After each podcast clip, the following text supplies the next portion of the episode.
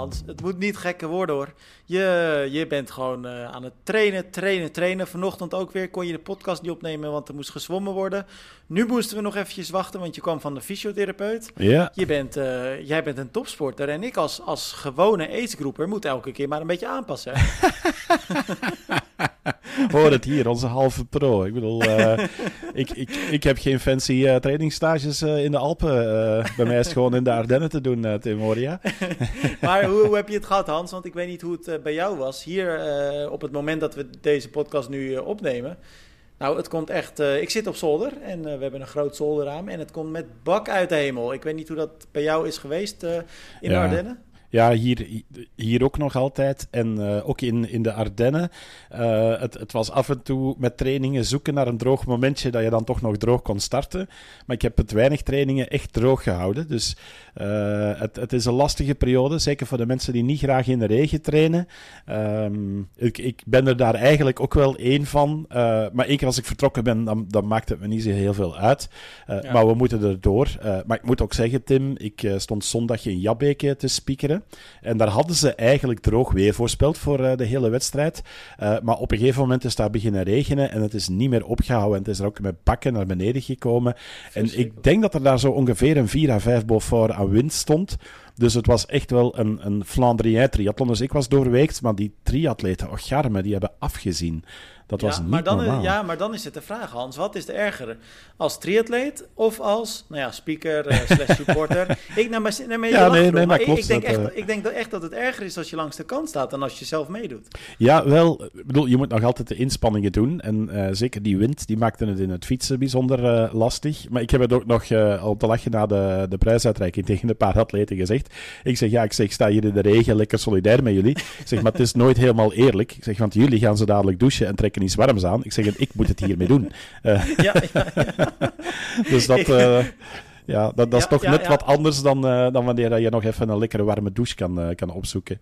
Ja, ja, dat is zeker waar. Ik reed uh, gisteren, dus zondag, reed ik, heb ik een rondje Challenge Almere gedaan. En het was hier ook slecht weer. er was al veel regen voorspeld, vooral in de middag. Dus ik dacht, nou, ik vertrek in de ochtend vroeg. En dan zat ik een beetje op buienradar te kijken. Kom ik eigenlijk, als het goed is, zo een beetje tussen die buien door. Ja, en echt precies de laatste 10 kilo. En hier ook harde wind. Ik denk ook windkracht 5, 6. En uh, nou ja, laatste 10 kilometer, toen had ik gelukkig wel uh, de wind in de rug, dus dat scheelt. En je weet dat je bijna thuis bent. Maar toen begon het echt ook uh, nou ja, te hozen, echt, echt een, een, stortregen. Nou ja, je bent gewoon binnen, binnen een minuut, of, of eigenlijk mm -hmm. binnen 10, 20 seconden ben je helemaal doorweekt. Uh, moet ik wel eerlijk zeggen, ik weet niet hoe dat voor jou is. Volgens mij herinner ik me dat jij ook niet echt een grote fan bent van warmte. Tijdens het sporten in ieder geval. Nee. Uh, ik heb liever een beetje regen dan, mm -hmm. dan echt die bloedhit hoor. Ja, bij mij eigenlijk het, hetzelfde. Alleen als het echt aan het drasje is, als het echt uh, enorm veel regen is, dan is het wat anders. En uh, ja, de afgelopen week in, in de Ardennen, ik ben sowieso al uh, geen, geen krak in het afdalen, Tim. maar je weet ook, als het omhoog gaat, dan moet het op een gegeven moment ook ja. weer naar beneden. en dat in de regen en dat op echt bij, bij momenten archi slecht asfalt. Ja, ik, ik heb toch wel een paar afdalingen gedaan uh, met, met een stevige ei in mijn broek. Uh, dat ik dacht van, ja, wow, ja. gaat dit wel goed komen? Um, dat, dat, je begint uh, in je rem te grijpen. En ja, ik had daar mijn reservefiets mee in, in de Ardennen. Dat is een oude Gianni Motta, die ik ooit nog van Joris Sels heb gekregen voor mijn allereerste triathlon. Okay. Um, dat is nog met, met ja, aluminium fiets, nog niet eens carbonframe. en met gewone velgremmen. En als die, ja, als die nat zijn, ja, dat, dat slipt gewoon door. Ja, dus, ja, ja, ja, uh, ja. dat was met momenten wel een vreemde gewaarwording. Uh, plus ook nog eens, bij ons in de Ardennen, uh, een fietspad, dat kennen ze nauwelijks. Ik denk als je daar 5% van, van de wegen uitgerust zijn met een fietspad, dan is het veel. Dus je deelt de weg met um, ja, zowat iedereen, maar vooral ook de locals. Uh, met vrachtwagens die geladen zijn, die dan in de stortregen aan een helstempo je voorbij uh, scheuren. Um, dus je hebt ook weinig marge, zeg maar, om in een ja. afdaling iets fout te doen. En, en waarom neem je jouw fiets mee dan, Hans? Is daar een reden voor? Ja, ik, ik had deze nu meegenomen om hem daar te laten staan, omdat we er toch geregeld zijn. En dan, weet je, dan kan ik daar gewoon gaan fietsen. Moet ik niet elke keer mijn fiets zetten in en uitpakken en, uh, en dergelijke. Ja. Dus eigenlijk puur een beetje voor het gemak. Het is eigenlijk ook de fiets waar ik normaal gezien op, uh, op Zwift. Um, dus uh, ja, eigenlijk kwam ik tot de vaststelling dat de afgelopen maanden met het goede weer heb ik niet meer op de rollen gezeten. Ehm, dat is echt al van, ik denk de laatste keer zoiets moet, moet maart geweest zijn, zo wat denk ik zelfs. nou ja, buiten is dus- natuurlijk ook wel een stukje lekkerder. Ik moet wel zeggen, ja. ik laat wel mijn fiets altijd op Swift staan hoor. Dus ik pak ook in de zomer gewoon nog mijn binnentrainingen. Uh, ik wissel het eigenlijk altijd wel een beetje af. Ook omdat ik gewoon vind dat je met Swift toch wel bepaalde dingen beter kunt trainen dan dat je het buiten doet. En dan heb ik het vooral over de, de tempoblokken of ja, nou ja, beklimmingen natuurlijk. Uh, ik, ik, heb niet de luxe dat ik naar de Ardennen kan. Ja. Uh, in ieder geval niet zo vaak als jij. Dus nou ja. En toen je in de Ardennen was, Hans, uh, nog de politie uh, ingevallen daar om te kijken of je astma-spray had of niet? Nee, nee, nee, dat was bij mij niet het geval. God, jongen, wat ik, een Ik heb wel melding gedaan hoor van je. het, het, is een gek verhaal, hè, Thomas Steger. Ja, uh, ja. Nou ja, het, het, nieuws kwam naar buiten, een paar dagen terug, dat hij een, nou ja, een dopingschorsing van een jaar heeft gekregen. Die dopingschorsing is al wel bijna een jaar geleden ook ingegaan. Dus die uh, dopingschorsing zit ja. eruit hoofd. Dat, vind ik overigens altijd zo vreemd, Tim, dat dit soort uh, communicaties ons uh, bereiken. Hè, met uh, Mlengi Gwala, die ja. um, Zuid-Afrikaanse triatleet, was dat ook het, hetzelfde geval. een maand voordat zijn schorsing afloopt, dan gaan ze erover communiceren. En nu bij Thomas Steger opnieuw. Gek is dat, hè? Ja, vind ik wel een vreemde eigenlijk. Dat daar zo laat over wordt gecommuniceerd. Van ja, hij is uh, veroordeeld, maar uh, hij heeft al uh, elf maanden uitgezeten van zijn schorsing. Denk je, maar waarom zeg je dat dan niet bij de eerste maand van de schorsing? Dat, dat, ja... Ja, dat vind ik ook opmerkelijk. En wat je nu ook ziet is dat je, als je nu bijvoorbeeld zijn, zijn social media bekijkt, uh, waar die natuurlijk nu ook gelijk een statement heeft geplaatst, daar zullen we het zo over hebben. Uh, maar dan zie je ook inderdaad dat hij een jaar ja, logisch ook, want hij mocht het niet, mhm. maar niet gereisd heeft. En uh, de oplettende volger zou dus al een beetje gedacht kunnen hebben van... hey, waarom zien we Thomas Steger uh, nergens in actie? Want Thomas is bijvoorbeeld ook wel iemand die uh, eigenlijk als je naar de afgelopen jaren kijkt... in het voorjaar best wel wat vaak wat challenge races mm pakte. De voorbereiding op nou ja, later in het seizoen. nu dus niet. Maar ja, Hans, ik, ik weet niet, maar dit hele verhaal is gewoon heel gek, toch? Ja, ja, inderdaad. Als, als je het zo, zo bekijkt, dan, dan, uh, dan, dan zou een mens er vanaf de zijlijn toch wel vragen bij stellen, op zijn minst. Ja, wij hadden het er al eventjes met elkaar over toen het nieuws naar buiten kwam. Wij zijn allebei volgens mij wel een beetje geneigd om, ja, hoe gevaarlijk het ook is misschien dat te zeggen, uh, geneigd hem te geloven, toch? Of niet? Ja, ja. Ja, ik, ik uh, mag dat ook wel stellen dat ik uh, zijn uitleg geloof. Misschien moeten we eerst ook even vertellen aan de mensen uh, wat, wat zijn verhaal daarachter is. Um, want ik weet niet, als je deze podcast luistert, dat je je nog herinnert. maar er was een, een, periode, een jaar of drie, vier geleden, dat um, in de Oostenrijkse sportwereld er wel heel wat ophef was rond bloeddoping. Um, met zowel in het wielrennen atleten die betrapt werden. eentje je daar op, op heterdaad in zijn hotelkamer. Ik, ik weet niet meer precies de naam van, uh, van die gast. Uh, maar dan ook in de wintersporten en dergelijke. Dus dat was toen wel een schandaal in, in Oostenrijk. En daar zou toen sprake geweest zijn echt van een groot dopingnetwerk. Uh, en Thomas Steger zou daar um, na een anonieme tip gelinkt zijn geweest aan dat dopingnetwerk. -hmm. En dan vervolgens is de recherche bij hem uh, langs geweest en die hebben een huiszoeking gedaan. En Thomas Steger, beste Tim, uh, dat is een brave triatleet, die woont netjes thuis bij zijn ouders. Ja, ik, uh, dat viel me ook al op, op op zijn leeftijd. Hij is niet de oudste, maar ik geloof dat hij de 30 gepasseerd is. Uh, maar goed, helemaal prima toch? Omdat, uh, ja, ja, op zich niks, niks mis mee. En uh, Hotel Mama, dat, dat scheelt ook natuurlijk in, in de kosten. Um, en uit, uit zijn verklaring kan ik ook afleiden dat ik denk dat zijn vader een praktijk heeft of dergelijke. Alleszins, er werd een um, astmaspray gevonden die het eigendom was of die uit de zaak kwam van, van zijn papa. Um, en die was overigens al van 2014 vervallen. Dus ja, en we moeten er, ik denk dat we er even één kanttekening nog bij moeten maken. Want er gaat er één uh, uh, stap aan vooraf. Uh, die anonieme meldingen die werden gedaan. toen hebben ze huiszoeking gedaan. maar toen is eigenlijk, heeft de, de aanklager heeft gezegd, er is niks aan de hand. Mm -hmm. Alle testen, want Steger werd natuurlijk net als alle profatleten ook meerdere keren getest, waren negatief. Geen doping dus. Um, toen hebben ze gezegd, er is eigenlijk geen reden om je ergens voor aan te klagen, dus uh, we seponeren de zaak, we laten het voor wat het is. Toen kwam dus de uh, Oostenrijkse dopingautoriteit, de NADA, uh, in actie. En die hebben vervolgens geconstateerd dat die verboden astmaspray althans verboden astmaspray volgens de dopinglijst dan, in dat huis lag. En toen hebben ze gezegd, op basis van het feit dat je in het bezit bent van die ja. spray, daarom word je nu een jaar geschorst. dus er is ook geen enkele sprake van dopinggebruik, althans niet aangetoond. Mm het is puur op basis van het in bezit zijn van die spray. En waarvan Steken nu dus inderdaad zegt: joh, mijn vader heeft een praktijk. Die spray is van hem. Die spray is overigens ook verlopen in 2014. Ik heb hem nog nooit gebruikt, zowel niet tijdens training als tijdens wedstrijden. Nou ja, goed, moeten we ook de kanttekening bij maken dat iedere dopinggebruiker, of in ieder geval bijna iedereen, ontkent. Uh, ze zullen niet zo heel snel zeggen dat, ze, dat, ze, dat ze positief zijn. Maar goed, het, het, het heeft er wel alle schijn van dat nou ja, laat ik het zo zeggen, dit verhaal is op zijn minst redelijk plausibel, toch? Ja, als, als je het zo hoort, dan ben je meteen ook geneigd om, om hem te geloven, want het makes sense, weet je. Het, het, uh, hij is nooit betrapt geweest en er is dan een huiszoeking. Uh, de, de plaatselijke recherche die, die heeft hem bij wijze van spreken vrijgesproken en gezegd van wij hebben geen rare vaststellingen gedaan, dus er komt ook geen verderzetting van het, van het onderzoek in, in zijn geval.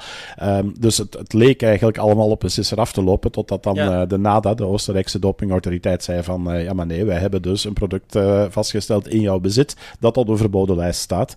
Um, ja, en dan daar heeft hij eigenlijk die schorsing voor, uh, voor gekregen.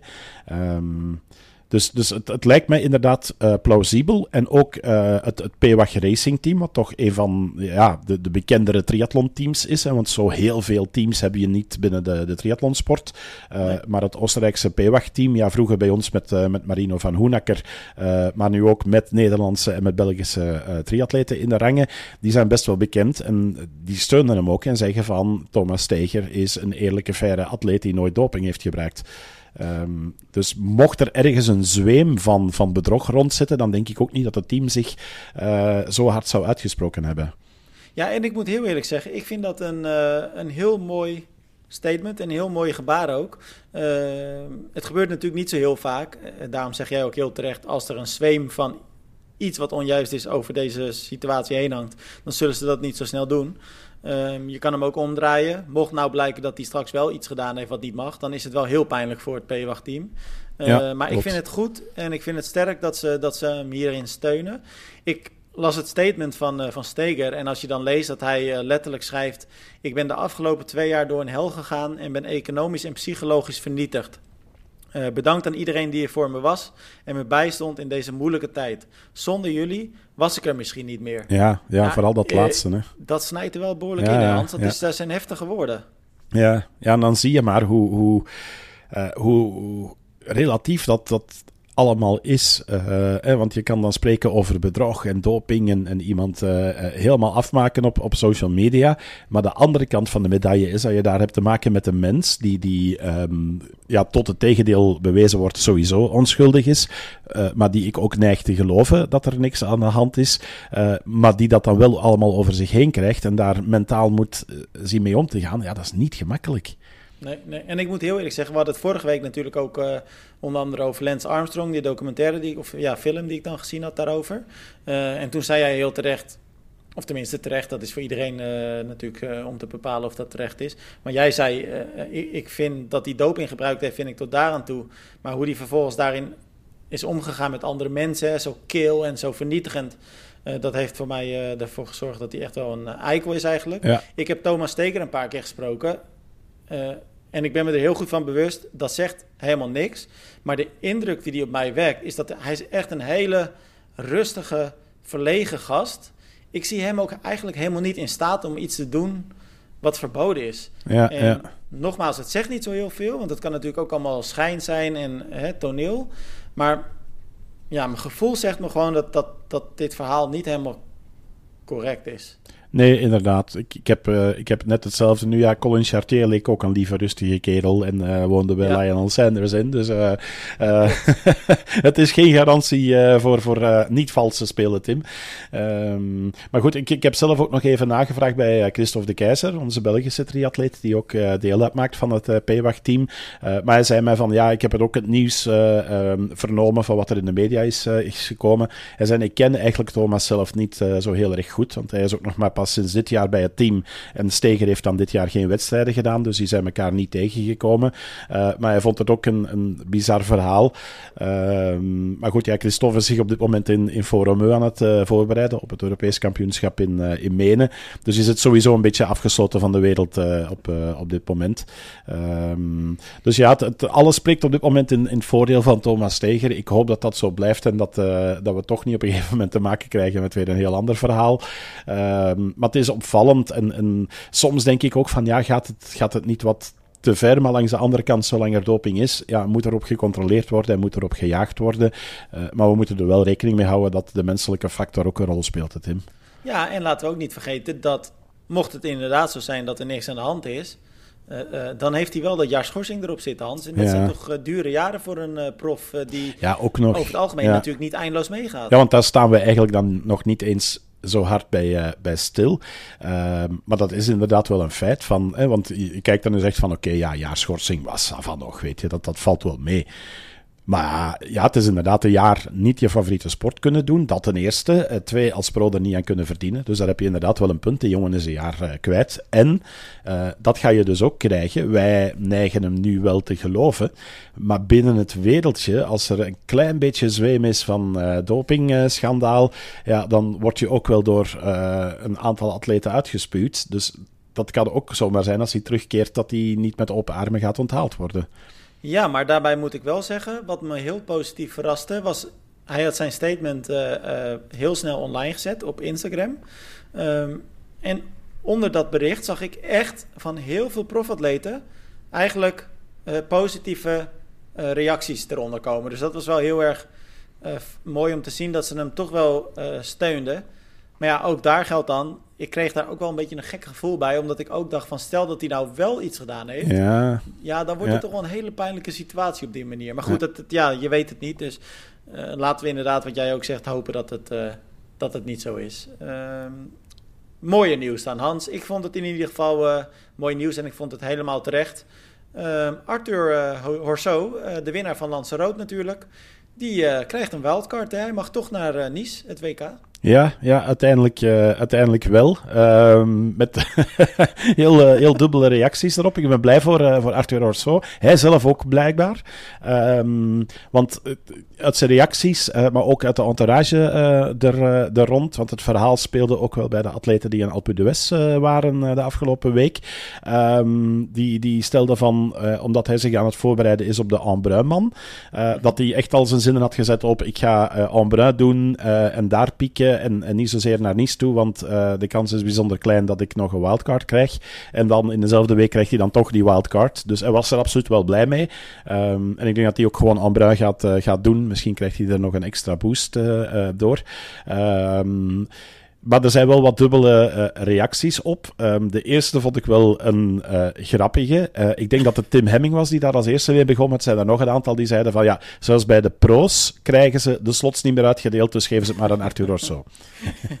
ah ja, Hans, wij hebben natuurlijk wel, ik, ik moest er ook om lachen hoor. Maar laten we niet vergeten, dat hebben we ook toen, nou ja, direct na Lanzarote, waar natuurlijk de Nederlander Nick Heldoorn geweldig tweede werd, historisch schreef.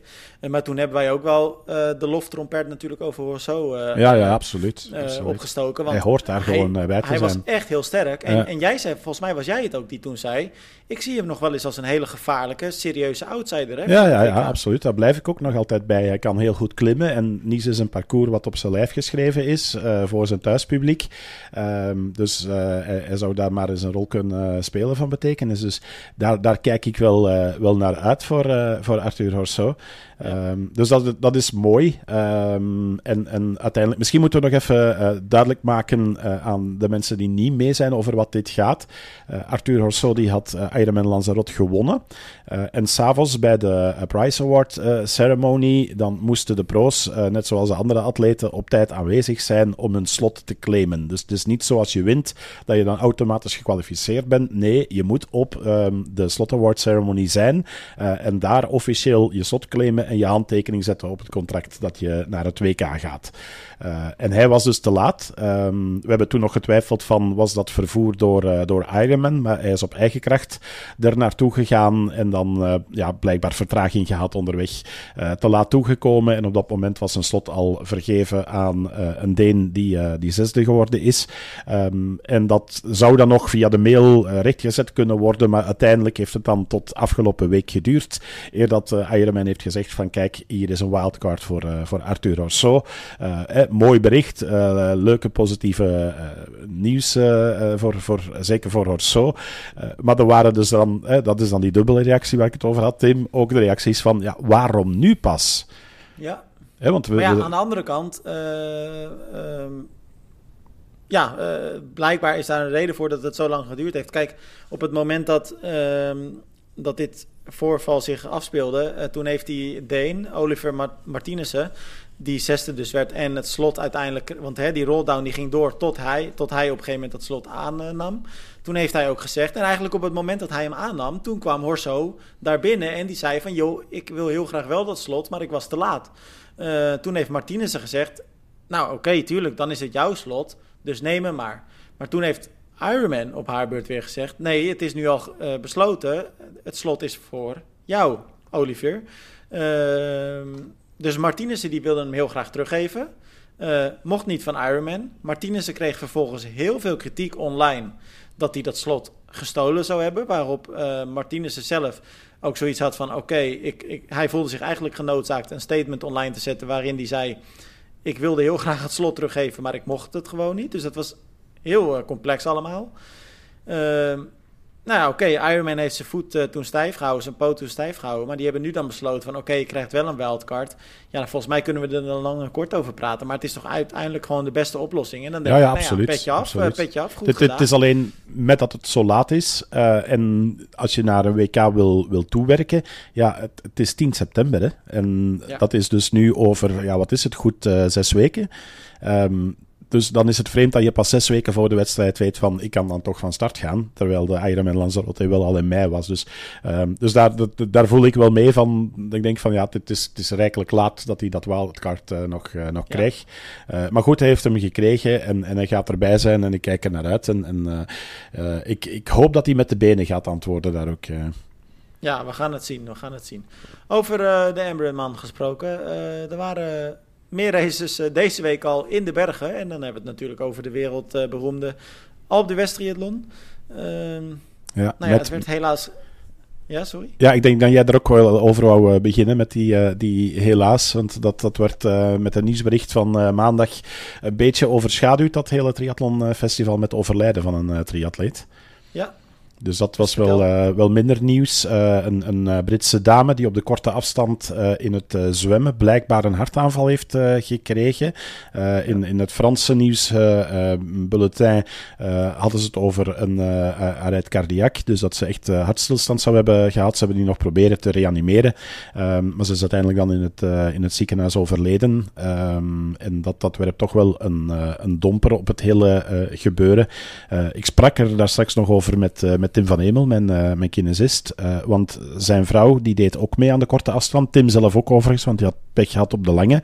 Uh, dus hij pakte revanche op de korte afstand. Um, en hij is dan de kol eigenlijk terug afgedaald om Anoushka op te, te wachten. En nog een stukje langs de kant van de weg mee te, te, fietsen met haar. En hij zei ook van het eerste waar ze over begon was van nu heb ik wat meegemaakt. Ik kwam uit het water en ik zag dat ze daar iemand aan het reanimeren was. dus dat heeft wel een, een grote indruk gemaakt op veel triatleten die daar uit het water kwamen.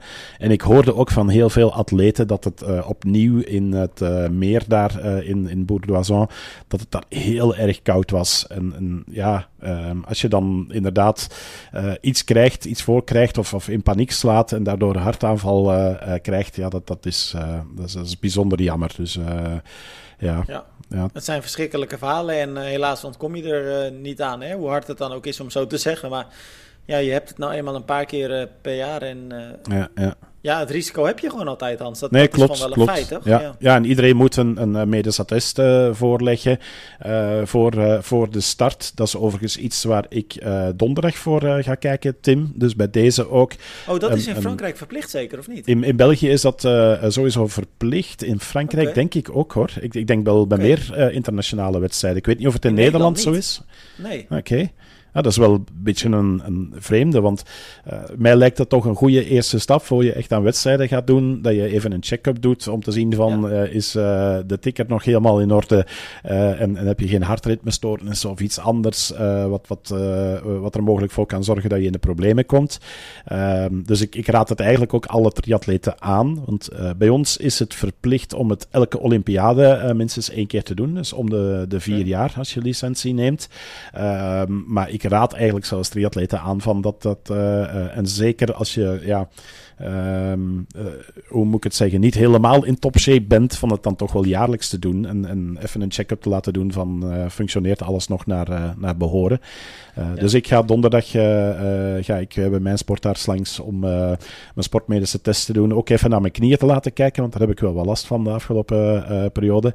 Um, maar ja, in, in principe geldt van als je je medes hebt laten testen, dan ben je normaal gezien goedgekeurd voor, uh, voor de wedstrijden. Uh, nu weet ik ook wel uit ervaring dat bij een aantal triatleten, ja, als je naar de huisarts stapt en zegt van ik wil wedstrijd gaan doen, ik voel mij goed en kan je dit medisch attest ondertekenen, uh, dan denk je dat in niet alle gevallen daar een heel grondig medisch onderzoek aan vooraf gaat. Om het diplomatiek ja, te stellen. Dan, hè, ja. Dan schiet het een beetje door voorbij. Ja. wat dat en dat hebben die triatleten dan ook een klein beetje aan zichzelf te wijten. Want ja. op zich zou je eigenlijk die discipline moeten hebben om te zeggen van kijk, ik, stop, uh, ik stap naar een sportarts uh, en, en uh, doe daar mijn sportmedische testen. Dan ben je ook zeker, weet je. Dan, je, het is je lichaam hè, en daar moet je goed naar luisteren. Je, je hebt er dan maar één van. Dus ik, ik vind dat wel een belangrijke. En ik weet, het, het klinkt misschien een beetje belerend en, en niet iedereen houdt daarvan. en ik wil niet te hard het vingertje opsteken, maar dit is gewoon één ding per jaar je bent daar, uh, wat is het, een uurtje mee kwijt. Uh, het zijn niet de grote kosten. Die worden volgens mij ook nog eens gewoon uh, door, door het ziekenfonds terugbetaald. Um, dus, dus doe dat gewoon en, en, probeer dan dit soort zaken uit te sluiten. Nu ja, zelfs als je je laten testen hebt, Tim, het kan nog altijd voorvallen. Hè? Ik bedoel, je kan ook gewoon morgen achter het stuur of terwijl je aan je bureau zit te werken een hartaanval krijgen. Um, dus dat hoeft niet in, in oorzakelijk verband te staan met het feit dat je dan aan het zwemmen bent in een triathlon. Al, al zal dan natuurlijk wel je hartslag iets, iets hoger liggen dan, uh, dan normaal en dergelijke. Uh, ja. Maar het is bijzonder jammer dat het gebeurt. En, en weer in het zwemmen, wat toch wel ja, doodsoorzaak nummer één is in, uh, in de triathlonsport. Um, en je ziet wel dat heel veel organisaties die werken er keihard aan, hè, aan, aan de veiligheid, zorgen voor uh, voldoende begeleiding op het water en, uh, en dergelijke. Um, dus ja, de randvoorwaarden proberen we zo goed mogelijk in te vullen, maar als er iets gebeurt, ja, je bent dan uh, bijzonder kwetsbaar. Ja, het zou wel fijn zijn, Hans, als je dat belerende toontje dan een beetje achterwege laat. Want het is ook wel prettig als we op zijn minst een, ja, toch een paar lezers, of, uh, luisteraars overhouden. het is voor hun eigen goed. Hè? hey Hans, maar jij zei het wordt vergoed door de uh, zorgverzekering. In Nederland is dat volgens mij niet zo, dus dat is misschien nog wel even goed om te zeggen. Uh, maar ik, ik, sluit me verder helemaal aan bij jouw verhaal. Ik kan het niet meer dan genoeg aanmoedigen om dat te doen. De eerlijkheid gebiedt me ook om te zeggen. Ik ben daar zelf ook heel laks in. Uh, ik heb gereisd in het buitenland, toch wel verschillende landen. Even kijken naar ja, Duitsland, Spanje, Taiwan, uh, Nederland natuurlijk zelf dan ook. Uh, ik heb nog nooit een test hoeven doen. dus ik ben daar nooit toe verplicht als het ware. En dan ben ik heel eerlijk, hoe suf het misschien ook klinkt, want ik weet dat het helemaal niks zegt, maar dan denk ik toch vaak: ik ben jong, ik voel me eigenlijk prima, dus het zal wel goed zijn. Maar ja, goed. Uh, je weet het nooit, dus het is nee, altijd nee, goed klopt. om het even te laten ja, checken. Ja. Um, wat ook misschien uh, jammer is, natuurlijk van een hele andere orde wat betreft de Alpe d'Huez Triathlon dan. Het werd ook niet echt een Nederlands en een Belgisch uh, feestje, hè, Hans? Zeker niet op de lange afstand. Uh, korte wat meer. Wij hadden, wat, wat, was de beste Belgische prestatie? Wij de Ja, de- Nederland, Eva Cornelissen tweede. Ja, ja, wij hadden natuurlijk op de duathlon eh, vijf van de zes podiumplaatsen. dus dat, was wel, eh, dat was wel mooi. Eh, Een paar atleten die ook eh, de dubbel hebben gedaan. Dus en de duathlon en eh, de korte afstand. Ik denk zelfs een paar ook de lange afstand gecombineerd eh, daarmee. Eh, maar op de lange afstand, ja, veel pech. Eh, Jan Petralia, die in een afdaling eh, zijn band van zijn velg zag, eh, zag komen. Gelukkig is kunnen recht blijven. Eh, want dat ging aan een hels tempo. Ehm, ja, dan was het einde verhaal. En die was net echt heel mooi aan het, aan het oprukken. Die had echt al een minuut of vijf goed gemaakt. ja, Jacob Petrol, zoals hij bij ons bekend staat, is in principe duatleet. Heel sterke loper. maar in, het, in het zwemmen, ja, daar zullen we het maar niet over hebben. dus die had een, een mega achterstand. Diego van Looy ook. Ehm, die had ook een, een minder zwemnummer. is uiteindelijk nog wel serieus aan het opschuiven geweest, maar vond dat niet de mentale kracht om uit te doen.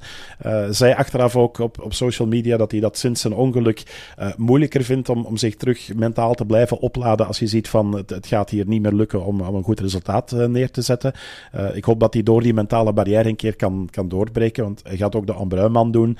Ehm, en en ik, ik hoop... Het was voor hem natuurlijk ook wel een beetje een comeback race na dat ongeluk. Hè? En ik, ik zag dat hij wel echt een monster maand aan training daar ja, afgewerkt ja. heeft. Ja, en dat zal ook ongetwijfeld meegespeeld hebben en dergelijke. Maar ja, als het een beetje in het kopje gaat zitten. Dus ik, ik wens Diego een keer een goede, een goede race toe. Dat hij daar, daarover kan stappen en, en die, die switch kan, uh, kan maken.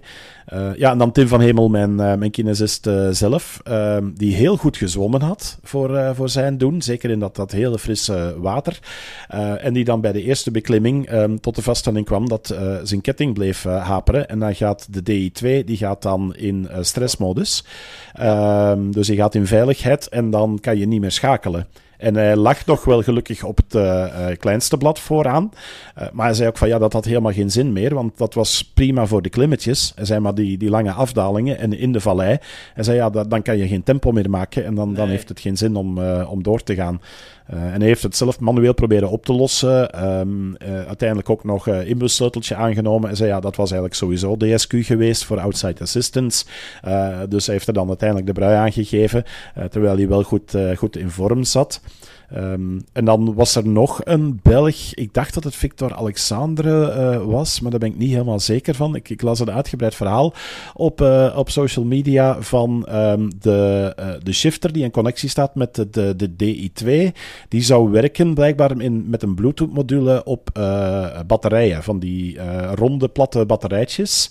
Ja. Um, van, van die, hoe noemen ze dat? Cirkelbatterijtjes? Of, of, ja, ik, ik, weet wat je bedoelt. Ja. Ik weet niet of daar echt een naam voor is. Ja. En um, ja, die, die, die was dus uh, plat. Ja, en daar kan je ook geen, uh, geen verbinding mee maken. En dan zei de D2 was wel opgeladen, die functioneerde ook. Maar als die batterij wegvalt, dan, uh, dan is het einde verhaal. en die is dan blijkbaar in de bevoorradingszone toch nog op iemand gestoten die dan zo'n batterijtje kon, kon versieren voor hem. En heeft hij dan de weg verder kunnen zetten, maar wel ja, vijf, zes minuten verloren. En, en dan was het ook een beetje einde verhaal. Nog wel top 15. Ik weet niet meer zeker of het Victor was of iemand anders, maar alleszins ja, bizar verhaal om om, dat ook uh, te horen. Dat hele elektronische schakelen, het is, het is mooi als het goed werkt, maar ik heb ondertussen toch al wel heel wat verhalen gehoord van uh, atleten die daardoor pech hebben gehad. Uh. Nou ja, dat wilde ik dus net tegen je zeggen, inderdaad. Ik vind dat je dat best wel vaak hoort. En dan denk ik, het is allemaal leuk hoor, dat elektrisch schakelen. En ja, ik heb het op mijn canyons ook zitten. Uh, het is echt, het, kijk, als het werkt, werkt het inderdaad ja. grandioos. Maar je wilt toch niet inderdaad meedoen aan de wedstrijd en dan deze ellende hebben. En ja, je kunt ook gewoon niks meer. Hè? Je kunt het eigenlijk nee. niet zelf oplossen. Dus dat is wel waardeloos wat dat betreft. Nee, klopt, klopt, klopt. En je werd het ook zo snel gewoon, hè? Want uh, ik, had het toen, het, toen wij aan Limburg zijn gaan fietsen, uh, heel een middag met, met DI2. En dan stap je terug over op je eigen uh, fiets. En dan zit je te duwen tegen die shifters en dan gebeurt er niks. ja, ja, ja, ja, ja. Nederlandse prestaties dan nog eventjes. Even Cornelissen, die echt heel sterk dus tweede werd op de korte afstand uh, van de triathlon op de West. Ja. En dan hebben wij bij de profs op de lange afstand hadden we één deelnemer, Erik Simon Strijk. En die werd, en dan moet ik het heel eventjes opzoeken, uit mijn hoofd 29ste. Ja, 29ste en 38ste overal. Dus dat betekent ook dat er negen amateurs, amateurs, agegroepers uh, voor hem zaten nog. Hij uh, beleeft ook op zich een, uh, een sterke race, maar zoals hij het zelf letterlijk zei, de Alp de West liegt nooit. Nee, nee, klopt. En hij gaf eigenlijk aan na de finish dat hij de eerste twee, drie beklimmingen heel, heel, heel prima was, best wel sterk. Maar dat hij eigenlijk een beetje met een lege tank kwam te zitten op de Alp de West. En ja. ook toen hij zijn fiets neerzette, Uh, dus eenmaal bovenop de Alpe West, dat hij toen eigenlijk al gewoon voelde, ja, het is, uh, is, uh, is op. Niet alleen de Alpe West ligt, ook de lange afstand ligt nooit. Nee, klopt, dus, maar het, het, is wel een, een, een, feit, want ik heb het daar straks met Tim er nog over gehad, want die had Kenneth van Andries ook nog gesproken, die wel nog knap vijfde is geworden. Ook met ja. een dubbel gevoel, want die had dan de pech dat hij maagproblemen had en in de eerste helft van het lopen niet echt in zijn ritme kwam. na een goede 10 kilometer is hij er wel doorgekomen, is hij nog vijfde geworden, maar hij lag echt wel op koers om, om podium te pakken.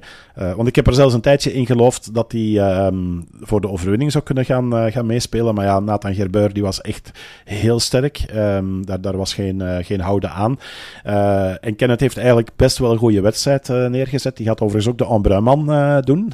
nu hij niet gekwalificeerd is voor Nice, dus volop uh, Embrun. Ik denk dat hij daar ook wel eens kans kan maken op het, op het podium. Maar die had ook tegen Tim gezegd van, zei Alpe d'Huez, de Alp zelf ligt inderdaad niet.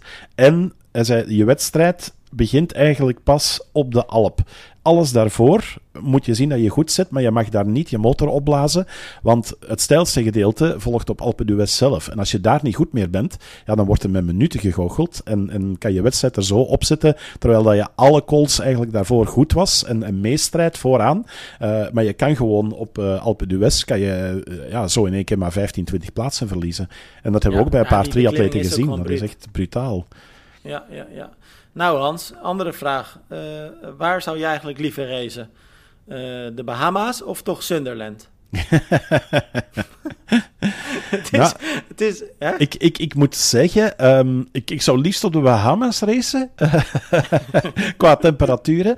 Uh, maar ik vond het, het zwemmen in de Noordzee, het had wel iets. Het was tof, hè? Het ja. was, ik vond het ook... En ik moet heel eerlijk zeggen, ik vond ook het fietsen en het lopenkoer best wel uh, leuk gedaan. En het was een spannende wedstrijd. Het was volgens mij best goed georganiseerd. Ja, o overigens uh, een... Het was meer een dolletje. Een, Belgische uh, agegroep uh, triatleet, uh, Bert Michielsen, die was daar. Die heeft daar ook meegedaan bij, een van de agegroep races. en die, die vertelde dat het parcours er veel zwaarder bij lag dan dat het op tv leek. Het, het, is eigenlijk weinig vlak. Het is echt een, een heel pittig parcours waar toch nog wel serieus gevlamd werd door de pro's. dus hij zei dat het op tv nog een klein beetje vertekend beeld gaf ook. Ja, je zag inderdaad best wel uh, wat op en neer gaan. Dus ik had dat vermoeden inderdaad al. Ik had het nog niet uh, gehoord. En uh, laten we ook niet vergeten dat de weersomstandigheden eigenlijk typisch Hollands waren. Dus ja. veel wind, veel wind zeker met het zwemmen en het fietsen. En nou ja, dan de klimmetjes erbij, dat maakt het natuurlijk pittig. Maar ik moet heel eerlijk zeggen, ik heb met mijn Nederlandse bril op goed zitten genieten. Want we hadden Rachel Klamer ja. die zesde werd. En een uur eerder werd haar eigen man, Richard Murray, die er nu uh, natuurlijk voor Nederland uitkomt uh, sinds een tijdje, die werd vijfde. Uh, nou hebben ze natuurlijk allebei een beetje de pech dat de wedstrijd over een sprintafstand ging, niet over de Olympische afstand. Als het de Olympische afstand was, dan hadden ze zich rechtstreeks gekwalificeerd okay. voor Parijs. Ja. Uh, maar dat hebben ze nu, uh, ja, dat, dat, dat ga, gaat dus niet zo op. Ah, dus de afstand korter is. Bij jullie dus een extra criterium dat ze dan dat op de kwartafstand moeten doen, of op ja, de Olympische en, afstand. Ja, en ik wist dat eerlijk gezegd ook niet. Uh, ik kwam daar eigenlijk achter nadat. Nou ja, na, de, na, deze resultaten. Want toen dacht ik dus, ze hebben zich gekwalificeerd. Maar toen kreeg ik eigenlijk al heel snel een berichtje van de vriend van Maya King. Maar die zei, nee, helaas, het is een, een sprint. Dus dat, dat, dat geldt niet. Oh. En, maar goed, ja, ze geven wel hun, uh, hun visitekaartje af en ze laten echt wel uh, zien goed te zijn. Aan de andere kant, als ik dan een dagje later kijk, de mixed relay. Uh, ja. ja. toen was het Richard Murray die aftrapte. Ja. En dat ging niet zo goed. Hij kwam als allerlaatste uit het water. En daarmee was Nederland ook eigenlijk gewoon de hele dag uh, gelijk gezien. Want Rachel Klamer ja, want... die kon geen tijd meer goed maken. En uh, Mitch Koopman en Annick Mars die lagen eigenlijk al in geslagen positie. Dus die konden ook niks terug doen. Uh, gestreden voor wat ze waard waren. Maar ja, dat, dat is logisch. Die konden niks meer inbrengen. Nee, nee. maar het is ook wel gek om te zien hoe dat dan toch per dag dan heel erg verschilt, hè? Nee, klopt, klopt. Nu ja, in principe was het verschil niet super groot na het zwemmen. Uh, want uh, ook Arno Mongal zat daarbij uh, bij en de Japaner Sato. Ze waren echt met z'n drieën helemaal achteraan in het, in het zwemonderdeel. En het, ik denk naar het staartje van de groep was het een 15 seconden. Naar de kop was het iets meer. Ehm, dus in principe zou je denken van ja, 15 seconden, dat krijg je nog wel dicht. Maar dat was dus niet meer het geval. En één keer als je dan in niemandsland zit, ja, dan in zo'n mixed team relay is het super moeilijk om nog, nog terug te ja. keren. Dat hebben we ook bij de Belgen gezien. die dan nog extra de pech hadden. dus ja, het was een beetje gedeelde miserie tussen Nederland en, en België in, in Sunderland in de mixed team relay. ja, en jij zegt dan dat het niet zo'n heel groot gat is. Aan de andere kant, Hans, 16 seconden, misschien nog iets meer, op slechts 300 meter zwemmen. Dat is wel fors, hè? Ja, ja. Ja, klopt. Maar ja, goed, het, is een, een, seconde of vijf, zes trager per 100 meter. In principe is dat niet super. ja, ja, ja, klopt. Ja, als je dat gaat verrekenen naar, naar 1500 meter, is dat best wel een, een uh, gigantisch verschil. Dus, um, maar ik heb dat eerder ook al wel aangehaald, Tim, ook bij jou. Um, dat, dat, dat zwemmen, die 300 meter, in vergelijking met het fietsen en het lopen, um, lijkt me dat soms net iets te lang. Omdat je net die, die verschillen krijgt, terwijl je dat in, in het fietsen en het lopen nauwelijks krijgt. Dus ja, ja dat, dat, dat is een van de vragen die ik mij al een paar keer gesteld heb bij het Mixed Team uh, Relay uh, format. Uh, maar feit is, van als je achteraan komt te zitten, ook al is het een handvol seconden, ja, dan is het eigenlijk game over. Dan, dan, dat, dat weet je. En dan, dan moet je eigenlijk het geluk hebben dat alles terug samenkomt en dat er niet meer gereden wordt. Maar dat was ook niet het geval, want er is eigenlijk redelijk stevig aangevallen geweest vooraan. En, en ze hebben het een paar keer echt op elkaar getrokken. Op een gegeven moment lag ook buiten dan die, die top 5 lag het veld zo wat helemaal op elkaar, had ik de indruk. Um, dus ja, een, een, een jammer gegeven. Uh, voor ons ook helemaal met uh, de, de ziekte die overigens uh, rondwaart onder de triatleten. Um, want niet alleen onze Belgen, maar blijkbaar een aantal triatleten die ziek zijn of ziek geweest zijn na Hamburg. maar nu ook in Sunderland, blijkbaar een, een buikgriepvirus wat, wat rondgaat. Um, Claire Michel had het eerst te pakken. Um, dus die was ziek geweest, dat was niet helemaal top. dat zag je ook in de individuele race. Valerie Barthelemy die haalde ook niet haar loopniveau in de individuele wedstrijd. Uh, en die viel dan zondag uh, met buikgriep ziek uit, waardoor Claire Michel nog in laatste instantie moest aantreden. Uh, maar toen hij zag van dat België helemaal mee achteraan zat en niet meer meespeelde voor de punten, heeft hij ook besloten van ja, ik ga niet van start gaan, ik ga uitzieken en geen risico's pakken. Um, ze heeft ook al ondertussen maandag laten weten in een boodschap dat ze niet meedoet in Parijs aan het test-event. dus ze hebben het wel goed, goed te pakken blijkbaar. Ja, dat is toch gek dat dan zoveel mensen ineens geveld worden eh, daardoor. Hè? En wat dat betreft, uh, jullie hebben wat dat betreft in België eigenlijk meer uh, pech. Hè? Want de grote man die, die mist zijn wildcard eigenlijk. Ja, ja, inderdaad. inderdaad. Maarten Variel, die, die sowieso niet het test-event ging doen, heeft hij mij van, van de week verteld. maar ik moet heel eerlijk zeggen, Tim, um, ik, ik heb Marten nog nooit zo down gehoord als afgelopen week.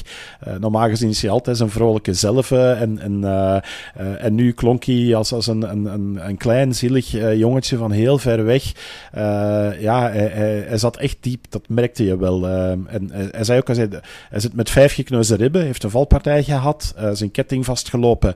en dan is hij over zijn stuur gecatapulteerd en is hij tegen een paaltje terechtgekomen, schouderblad gebroken. maar vooral vijf gekneusde ribben die heel erg pijn doen. hij zei, maar die pijn in de ribben is eigenlijk niet te vergelijken met de mentale pijn die ik heb van nu niet aan de PTO te kunnen meedoen doen. Um, want hij had daar echt zijn zinnen op gezet om nu echt die stap naar de lange afstand te maken. Um, dus, en, en daardoor had hij ook voor zichzelf al bewust gekozen dat hij niet mee zou doen aan het test-event in, uh, in Parijs half augustus, maar alles op uh, Milwaukee en Singapore te zetten. Uh, maar ja, hij ligt opnieuw in de lappenmand en dat dat dan zo kort gebeurt nadat hij er een jaar heeft uitgelegen, ja, dat is dubbel zo ja. zuur. Hè? Dus, Heel sneu. Verbaast het jou, Hans, dat hij definitief die overstap maakt nu naar het langere werk? Kijk, ik volg natuurlijk de Belgen, zeg maar, zoals ik ook de Fransen, de Duitsers, nou ja, noem maar op, volg. Jij zit er veel meer diep in de Belgen uh, natuurlijk. Uh, ik vind het een redelijk opmerkelijke keuze dat hij dit een jaar voor ja, te spelen ja. doet. Ik heb, ik heb hetzelfde. Um, nu ja, goed, op zich heeft een, een jaar achterstand weg te werken. Um, daar ook nog eens bij dat er op dit moment een, een jongere generatie opstaat uh, die, die heel snel aan het lopen is. Um, hij, hij, heeft natuurlijk die trainingsachterstand gehad, maar ik denk dat hij ook wel tot de vaststelling is gekomen van uh, er zijn nog een paar sterren bijgekomen aan het loopfirmament op uh, World Triathlon niveau. Kijk maar naar bijvoorbeeld zo'n Matt Hauser, Hayden Wild en Alex Yee die ook niet hebben stilgezeten. de Fransen die, die, die, die super snel zijn als je kijkt naar die spurt in uh, Sunderland. Uh, ja, dat was ook echt uh, zwaar de moeite. Um, dus, dus uh, ja, ik denk dat je dan voor jezelf ook meer en meer begint uit te maken van waar ligt uh, mijn toekomst. En ik had eerder verwacht dat hij na Parijs vol op de lange afstand zou gaan. Uh, maar ik denk dat hij nu al zijn kans zou oppakken. Um, en ja, hij ziet natuurlijk ook de voorbeelden hè, van, van een, een Bloemenveld die de twee succesvol weet, weet te combineren. Um, dus ik, ik denk dat dat ook wel meegespeeld heeft in, in zijn beslissing van meer naar die lange afstand te gaan. En ik zeg het misschien ook wel het feit van dat hij stil dan begint te beseffen dat dat in in, deze vorm waar hij nu op dit moment zit, richting Parijs, ja, dat er nog uh, zeker aan het lopen veel werk is. Um, we, we, gunnen het allemaal. Ik, ik, wens het hem echt enorm uh, hard, uh, hard toe. maar ik denk ook wel dat het een goede beslissing is van, van richting die lange afstand te gaan kijken. Ja, het is grappig dat jij Bloemenveld aanhaalt, want een bruggetje wat ik dan heel makkelijk kan slaan. Um, iemand die er ietsje minder in geslaagd is, maar nog steeds zeer succesvol natuurlijk is, maar iets minder in geslaagd is om de lange afstand en de korte afstand te combineren, is uh, zijn landgenoot, Gustav Iden. Ja. En uh, daar is ook wel het een en ander om te doen. Ja. Want uh, de Noorse bondscoach die heeft besloten, uitgerekend Iden niet te selecteren voor ook dat Parijs test-event, dat Olympische ja. test-event. Ehm, ik vind het onmerkelijk. des te meer als je je bedenkt dat Iden de wens heeft uitgesproken de Olympische Spelen te winnen. En eigenlijk ook gezegd heeft dat dat zijn enige triathlon-doel nog is. Wat open staat, wat mhm. nog afgevinkt moet worden. Nou ja, Hans, we kunnen allebei uh, volgens mij uh, heel snel en makkelijk toegeven dat uh, Iden niet zijn beste jaar heeft. Nee, nee, nee, natuurlijk ook onlangs zijn moeder ja. verloren. Dus dat maakt het ook niet makkelijker. Ehm, heeft wat teleurstellende prestaties. Maar de Noren geven dus de voorkeur aan Torns. En, maar die staat iets van 200 plekken lager op de klassering. Ja. Uh, het verbaast mij. Ja, ik, ik vond dat ook een, een uh, opvallende move. Nu, ik kan me voorstellen dat misschien op dit moment Casper Stornes dat hij uh, beter in vorm zit en beter in zijn vel zit dan, dan Gustav Iden. en, en misschien ook meer richting de mixed team relay. Want je ziet nu dat de Noren wel serieus aan het stijgen zijn op de Olympische ranking op de mixed team relay. waar ze vroeger eigenlijk ja, nauwelijks of geen ploeg konden samenstellen. Ja. Hebben ze nu meerdere pionnen om in te zetten in, in die ploeg. Um, dus dat zal ook ongetwijfeld uh, wat te maken hebben met, met ploegentactiek. Uh, en uh, daar kwam ik ook achter uh, door, door nog wat extra ja, zeg maar, onderzoek te doen naar hoe gaat het eigenlijk met, met Gustav Ide en hoe zou het nog zijn met zijn broer Mikael. want die hebben we in de hele discussie ook al even niet meer gehoord. Um, en daar blijkt ook wel een weg gedreven te zijn tussen Mikael en Gustav.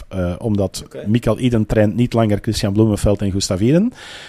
en um, er is wat onmin tussen Christian Bloemenveld en Gustav Ide enerzijds en de Noorse Bond anderzijds. Uh, hoorde okay. ik een beetje in het, uh, in het circuit. En Mikael Iden die is natuurlijk te werk gesteld door de Noorse Bond. En is dus niet meer officieel de trainer van Gustav en van Christian. Dus daar zit ook op dat vlak, denk ik dat dat mogelijk mentaal ook wel zal meespelen. Is dan die hele relatie met je broer, waar je heel close mee, uh, mee bent geweest. Ik hoop dat dat nog altijd het, geval is. Maar goed, vanaf een afstand lijkt het nu toch net iets minder. Um, dus ik denk dat er meer dan één ding speelt op dit moment bij, uh, bij Gustav Iden. Uh, en ook deze beslissing van hem niet te selecteren ruikt dan ook wel een beetje naar. Ja, dat, dat, dat zou wel eens een afrekening een beetje kunnen, uh, kunnen zijn tegenover de twee. En je kan natuurlijk niet voorbij aan Bloemenveld. Je kan moeilijk gaan zeggen van, nee. die gaan we niet selecteren. Op basis van zijn prestaties moet hij er altijd bij zijn, dus daar kunnen ze moeilijk rond. Maar in het geval van Eden is het op dit moment wel iets gemakkelijker om te zeggen van, ja jongen, jij bent niet in vorm, we pakken je niet mee. Ja, en, en jij zei net heel terecht, de Noren die uh, uh, zijn natuurlijk zonder uh, Bloemenveld en Iden best wel lekker aan de weg aan timmeren, ook met de mixed relay.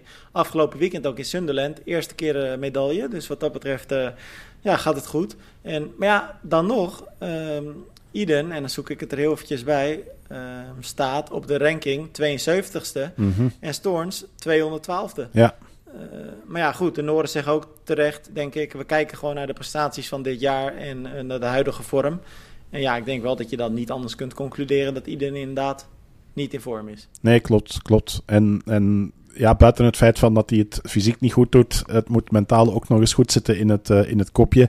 Maar dit gaat hem ongetwijfeld ook geen deugd doen. Dus want uh, nee. sterker nog, ik ben op zijn eigen Instagram gaan checken. En een week geleden zei je nog van dat hij enorm uitkeek naar Parijs en keihard eraan aan het werken is. Laten we daarbij wel zeggen, Hans, uh, deze selectie voor de voor het test-event is natuurlijk ook helemaal geen garantie voor uiteindelijk de Olympische Spelen. Nee, hè. nee maar ik bedoel dat, dat hij had gezegd dus dat hij uitkeek naar het test-event in Parijs. Oh, dat dat zijn volgende race ging worden.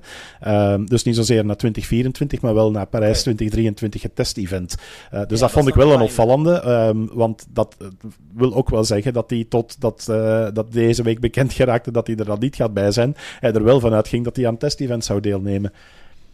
Ja, en hij heeft natuurlijk ook gewoon al eh, gelijk nadat hij Hawaii won gezegd van volle focus nu op eh, korte afstand, Parijs. Ik ga het niet meer combineren. Ik hoef niet per se naar Kona terug. Eh, ja, dan wordt het nu wel een heel lastig verhaal, want hij zit dan een beetje tussen twee werelden. En in allebei die werelden gaat het even niet zo goed nu. Nee, Dan heb ik het dus over Nee. lang en kort.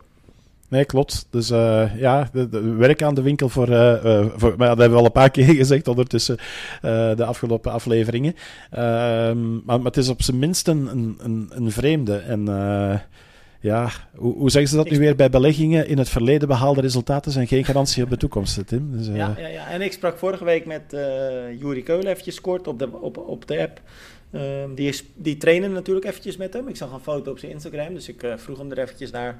En, eh, dus dat was sowieso wel tof. Maar die zei eigenlijk ook wel, eh, niet letterlijk, maar daar kwam het wel op neer...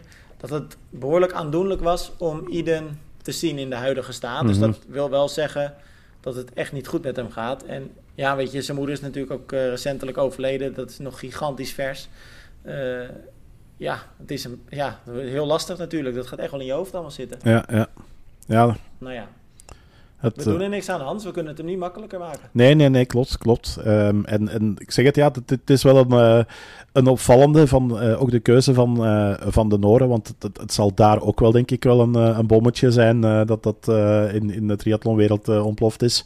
Ehm, dus ik, ik ben ook benieuwd hoe dan de, de rest van het team ermee gaat omgaan, hoe een Bloemenveld ermee gaat omgaan, want als het verhaal klopt van de, de tegenstellingen tussen enerzijds Bloemenveld, Ide en dan de Noorse Bond, ehm, ja, dat kan ook voor hem zomaar gevolgen hebben.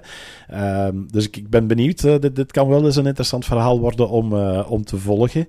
Ehm, net zoals overigens bij, bij ons eh, eh, de komende tijd het een, een eh, interessant verhaal kan worden. We hebben het er eerder over gehad dat we op dit moment drie dames hebben voor twee plaatsen. En wij zagen in Sunderland Jolien Vermeijlen bevestigen met een knappe twaalfde plaats. Ehm, die heeft het opnieuw heel goed gedaan. En deze keer, oké, eh, Valerie Barthélemy en Claire Michel niet 100% gezond. Ehm, maar toch, Jolien laat op dit moment zien dat ze op dit moment de sterkste is van, van de drie. Staat het hoogst gerankt. Ehm, dus de, de, de battle die, die is er ondertussen ook. Eh, dus ook daar, dat wordt een, een uitdaging de komende tijd om, om dat eh, verder te zien evolueren. En, en voor wie gaat er dan gekozen worden? Eh, wij zitten nog eens met de twee federaties. Dat geeft het natuurlijk nog een extra aspect. Dat hele communautaire tussen Vlaanderen en Wallonië. Ehm, dus ja, to be continued. Ja, spannend. En het komt ondertussen dichterbij, Hans. Want het test-event is over, wat is het? 2,5 week, 18 eh, en 19 augustus uit mijn hoofd. En dan een jaartje later al eh, de Olympische Spelen. Dus dat is echt wel, eh, wel tof. Nou Hans, we zijn er doorheen denk ik. Eén dingetje nog heel verkort. Dit jaar, mocht je je willen kwalificeren voor Kona. Ja. Natuurlijk niet, eh, niet specifiek jij, maar gewoon de luisteraar. Eh, hoe, twijfel jij aan mij? Dat, eh, Nee, ik, ik ga er eigenlijk Pas op, ik moet zeggen, ik heb eerst mijn zinnen gezet op het duel met Tim Moria in de Challenge via Boucault. Als ik dat win, toch- dan wil ik misschien wel eens een poging wagen om me bij te kwalificeren. Ik ging ervan uit dat jij al gewoon gekwalificeerd was, joh. nee, Ik wacht op mijn eh, maar eh, het wordt lastiger, Hans, want dit jaar zijn er eh, minder slots te verdelen. Ehm, en dat is ook eigenlijk ook he- helemaal niet zo gek, want eh, toen... vorig jaar is dat alweer. Ja, ik zat even te denken, maar dat is vorig jaar bekend werd... ehm, dat Ironman natuurlijk het WK ging roleren tussen Kona en Nice. Kona de vrouwen dit jaar, Nice de mannen en dan volgend jaar andersom. Heb ik het eventjes specifiek over de vrouwen of de, over de profs. Ehm, eh, nou ja, dus de mannen die al geplaatst waren, die kregen toen te horen... eh, je mag in 2023 in Nice, maar je mag hem ook doorzetten naar 2024 Kona. Een groot gedeelte van de mannen heeft dat gedaan. En dat betekent eigenlijk heel simpelweg nu dat er de resterende wedstrijden voor eh, eh, dit jaar ja, wat minder slots eigenlijk worden Mhm. verdeeld. Hè? ja, ja goed, goed, de helft scheelt het. Dus eh, Ja. er zijn wedstrijden bij waar maar 15 slots zijn eh, de komende weken en, eh, en maanden. Dus dan, dan ja, ga je echt al bij. dan, dan ga je echt podium moeten pakken in je aidsgroep om te gaan. nou ja, het zijn in ieder geval minder lange rolldowns. Ja, dat wel. Dat, dat, uh, dat ga je dan wel. Langs de andere kant bij de vrouwen dan weer, uh, weer wel, want daar wordt dan wel weer massaal met slots gegooid. Um, ik, ik, had bij ons het, het, voorbeeld genoemd van een van de Amerikaanse um, Ironman-wedstrijden die er nog aankomen, uh, waar 20 slots zijn bij, bij de mannen en 60 bij de vrouwen. Um, ja, Wisconsin, hè? Ja. ja. Ja, inderdaad. Ja, dat zijn wel grote, grote verschillen inderdaad. ja, ja. En, Aan de andere kant... En Tim, en dat is ook nog redelijk heet van de naald, dat, dat nieuws... Ehm, want ik zag op uh, maandag het nieuws voorbij komen dat Ironman Mont Tremblant verdwijnt. En in het zorg daarvan nog twee Amerikaanse wedstrijden die van de kalender vallen in 2024. Okay. Dus dat, dat is ook wel, wel uh, opvallend. Dan krijg je weer drie wedstrijden minder waar uh, slots te verdienen zijn. En uh, ja, Mont Tremblant was toch een wedstrijd die zeker ook bij de pro's zeer populair was. Ja. Waar we heel mooie duels hebben gezien in het, in het verleden. alleen de afgelopen editie, um, ik, ik durf het niet helemaal in detail zeggen, maar ik denk dat er nu iets van een 1300 atleten meededen. Uh, en ik las een bericht van dat het uh, pre-corona in 2019 was het nog iets van een 2200. Dus bijna een halvering zeg maar, van het aantal deelnemers. En dat zou een van de redenen geweest zijn waarom Ironman en uh, de organisatie en de stad hebben besloten van we gaan dit niet verder zetten. Um, omdat ik denk ook, ja, de fee die blijft volgens mij gewoon hetzelfde die ze aan Ironman betalen. Of dat er nu 1300 of 2200 atleten starten. Um, en, en ja, met alle kosten die er zijn bijgekomen de, de afgelopen tijd uh, en, en, de indexatie, uh, ja, is dat wel een, een mogelijk economisch logisch vervolg. Uh, maar het is wel jammer dat dan zo'n wedstrijd als Ironman Mont Tremblant verdwijnt van, van de kalender. Nou ja, er zijn meer grote wedstrijden die aan het struggelen zijn. Het is echt wel lastig gebleken na COVID om een, nou ja, op zijn minst economisch haalbaar evenement neer te zetten. Dus we gaan het zien wat er de komende jaren gaat gebeuren. Ik denk dat er best wel wat, uh, wat wijzigingen gaan zijn op de kalender. Ja. Ik, ik hoop dat uh, Challenge Veubuco uh, lang blijft bestaan, want ik krijg nu wekelijks berichten van Belgische triatleten die zich ook aan het inschrijven zijn. dus wie, okay. wie, de strijd met Tim Moria en met Hans Kleemput wil aangaan, feel free. Laat dat ons ook zeker weten. Ik, ik kijk er naar uit. We gaan daar een, een, een, mooie Holland-België van maken. En hoe meer Belgen we zijn, hoe beter. ja, dat wordt, dat wordt mooi, toch? En ik denk dat het sowieso heel vet is om daar met elkaar te zijn. Misschien kunnen we daar een keer uh, ook echt live op locatie Oh ja, dat is wel een mooie. Leuk, denk ja, ik. ja. ja. Alright Hans, dan gaan we hem... De mensen moeten alweer veel te lang trainen om deze podcast te luisteren. 55 minuten, dat het monstertrainingen zijn dat. Hè? Ja, ja, inderdaad. Dat, uh, ja, en zeker als je blokjes moet doen. Dus kom aan, hop, nog even, kom aan, hop. kom op, kom op, doorzetten. Ja, ik vond, Hans, ik vond het wel leuk, leuk overigens. Uh, dat is dan echt de, absoluut het la laatste. Uh, maar ik had, vrijdag had ik een blokjestraining op de fiets. En ehm, het, het ging stevig op en neer. ik ben overigens even langs geweest. Dat is ook wel een mooie. Ik ga daar nog een verhaal over brengen bij ons ook. Uh, bij, bij Tairo van uh, Dirk Palus, best wel bekende uh, triatleet bij ons, van het Innermi-team. en die heeft een, een heel sportcomplex gebouwd in Erezee, in de Ardennen, waar je op hoogte kan, kan slapen en verblijven.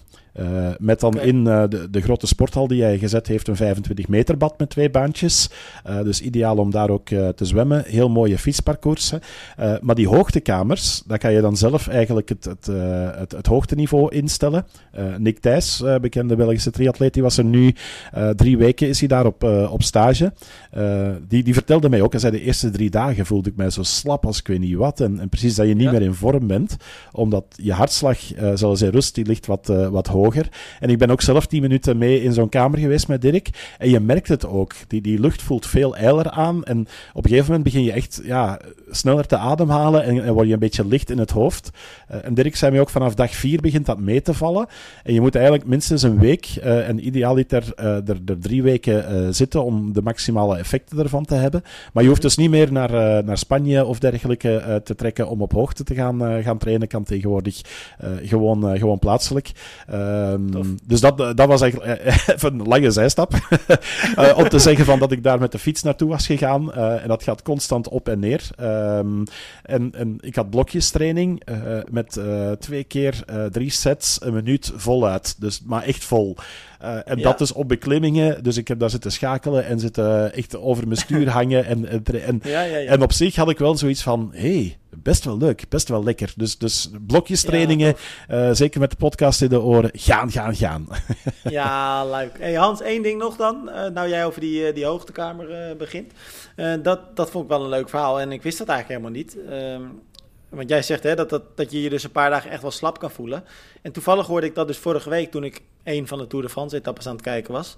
Um, als we bijvoorbeeld de, de, Alpe d'Huez etappe doen, als die erin zit, of een andere hoge berg, dan uh, is het dus ook zo dat uh, alle ploegen of boven of beneden moeten slapen. Dan mag het niet zo zijn dat één ploeg boven slaapt en de andere beneden. Ja. Omdat er veel te veel verschil dus zit in hoe je wakker wordt en hoe je je voelt. Ik wist dat helemaal niet. Ik, tenminste, ik wist wel dat dat een verschil is, maar ik wist niet dat dat dus ook verplicht wordt om dan, nou ja, allemaal boven of beneden te slapen. Dat is best grappig, hè? Ah ja, cool. Nee, ja, dat wist ik ook niet. Dat is een leuk. En, uh, ja. Hans, jongen, we gaan gewoon door. Twee uur volmaken dan? Ja. nee, nee, nee, nee. nee. Uh, er moet nog getraind worden. Hè? ja, hey Hans, ik, uh, ik, dit, nou, hey, heel kort nog. Dit weekend ook weer mooie wedstrijden. PTO, EK uh, Ironman natuurlijk. ik ga naar Challenge Londen, dus dat wordt ook tof. Eerste editie, dwars door het centrum. En uh, nou ja, we gaan dat gewoon volgende week allemaal weer met elkaar bespreken. Ja, ja. Ga, ga, je nog zelf meedoen, uh, Tim? Want dat is wel een bucketlist race hè? in Londen. Uh, ik uh, zou hem heel graag willen doen, maar helaas, tussen haakjes helaas, moet Alle, ik vol aan het werk. Alles op dus, ja, ik snap het. Alles op je, ja, ik ben nu aan het, aan taperen Hans, ik spreek je volgende week. Tot dan.